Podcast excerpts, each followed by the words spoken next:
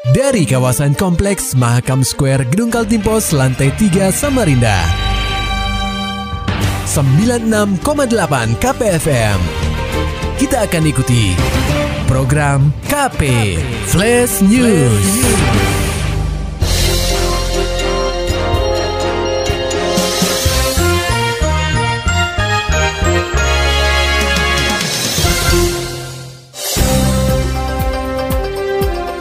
Anda sedang menyimak program KP Flash News bersama saya Agung Pratama. Pendengar KP Badan Pemeriksa Keuangan Republik Indonesia atau BPKRI menetapkan bahwa laporan keuangan Pemprov Kaltim pada tahun anggaran 2022 mendapatkan opini wajar tanpa pengecualian atau WTP.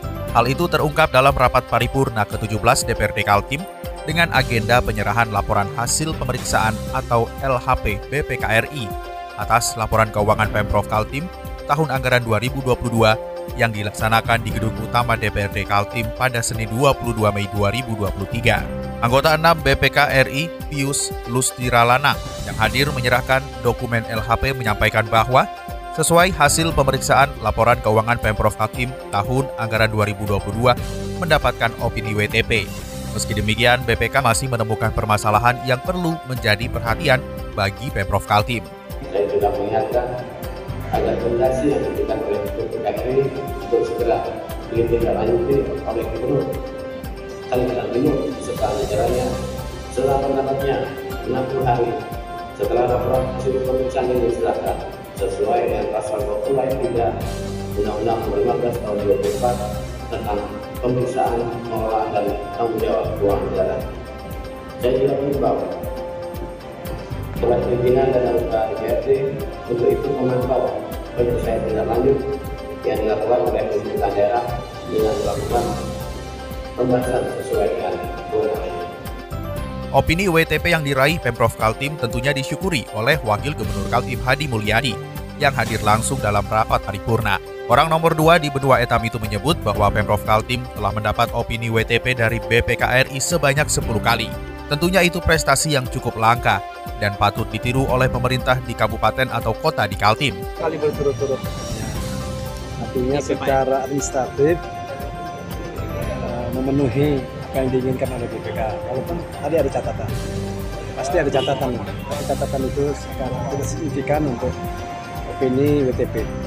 Tentu ini uh, kami ucapkan terima kasih kepada rekan-rekan DPRD, rekan Pansus, kemudian rekan-rekan di seluruh OPD yang mensukseskan prestasi Kalimantan Timur 10 kali WTP tertentu. Mudah-mudahan ini menjadi contoh yang baik buat kabupaten kota juga bagi provinsi yang lain. Setahu saya ini termasuk yang langka. Untuk menindaklanjuti catatan dari BPKRI, Hadi mengatakan bahwa sebelumnya organisasi perangkat daerah atau OPD di lingkungan Pemprov Kaltim dan BPKRI telah mengadakan pertemuan untuk menindaklanjuti catatan ini.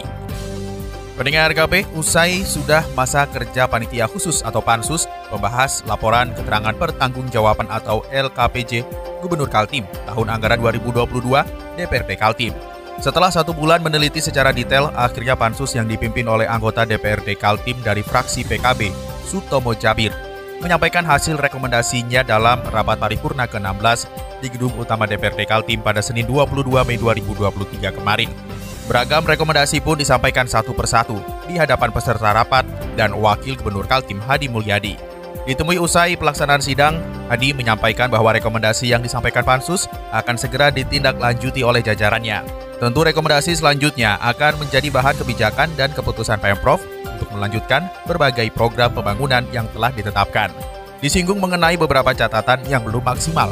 Orang nomor dua di benua etam ini menyatakan bahwa tidak ada kinerja yang betul-betul 100%. Baik KPJ. Secara umum seperti apa pandangan? Kan sudah kami jawab dulu. Ini hanya tadi yang dijawab tadi kan mengulas lagi yang pernah kami jawab. Ya tidak ada yang 100% 100%, tapi kan rata-rata di atas 80 90%.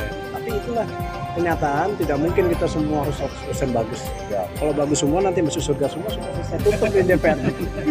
karena karena kurang itulah kita di, termotivasi untuk terus lebih baik. Tapi di waktu yang tersisa ini insya Allah bisa dipenuhi kan? Oh iya, itu sudah itu secara umum baik sudah. Secara umum kalau kalau kalau ibarat nilai itu A sudah, cuma tidak semua A plus gitu loh. Meski ada beberapa catatan minor, Hadi menilai bahwa LKPJ Gubernur Kaltim tahun 2022 secara umum dapat dikatakan sudah baik.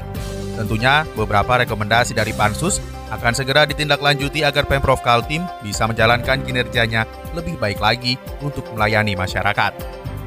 Pendengar RKP, jadi pengepul judi online tiga pria Parubaya di Loa Bakung dibekuk polisi. Laporan selengkapnya akan disampaikan reporter KPFM Samarinda, Muhammad Nur Fajar. Nasib sial menimpa tiga pria parubaya berinisial MS, FR, dan AS. Mereka harus berurusan dengan pihak berwajib setelah tertangkap basah terlibat dalam kegiatan judi online jenis Toto Gelap atau Togel di Jalan Jakarta, Perumahan Korpri, Kelurahan Lobakung, Kecamatan Sungai Kunjang pada Senin 22 Mei 2023. Kapolresta Samarinda, Kombes Pol Arif Adli menyampaikan bahwa ketiga pelaku ini berperan sebagai pengepul dengan situs judi online yang berbeda.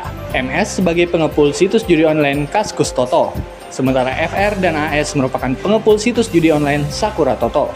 Dari ketiga pelaku ini, pihak kepolisian mengamankan barang bukti berupa 4 unit handphone yang menjadi sarana para pelaku menjalankan bisnis judi online.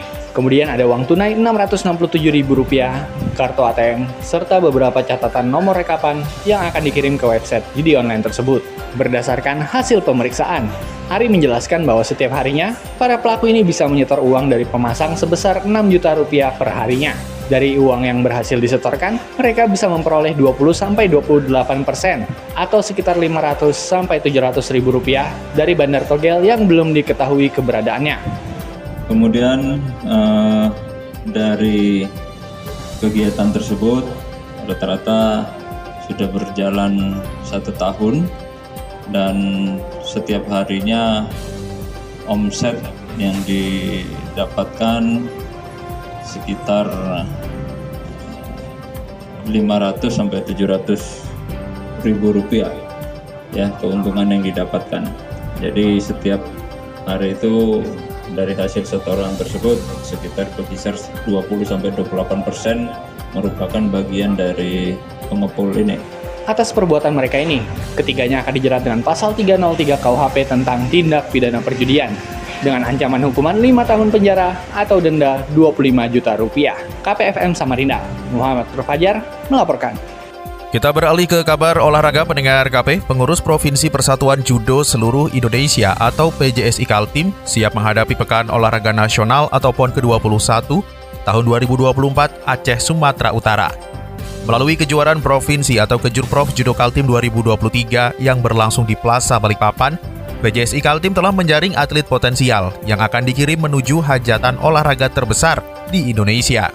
Dalam single event yang dibuka oleh Ketua KONI Kaltim Rusdian Aras itu, Kutai Kartanegara keluar sebagai juara umum dengan raihan 18 medali emas, 8 perak, dan 10 perunggu.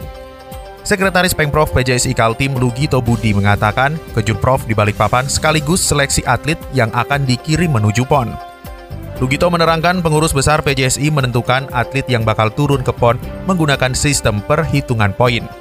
Setelah ini, pejudo benua etam harus mengikuti kejurnas senior di Solo pada Juni dan kejurnas Kasat Cup 2023. Tujuannya menambah poin yang hasilnya menentukan posisi Kaltim di PON Aceh Sumatera Utara.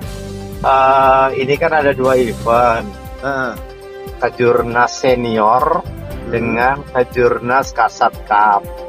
Kasat Cup. Uh. Nah, kalau kak senior itu benar-benar yang hanya senior saja, dan ya. tujuan untuk mendongkrak poin PON.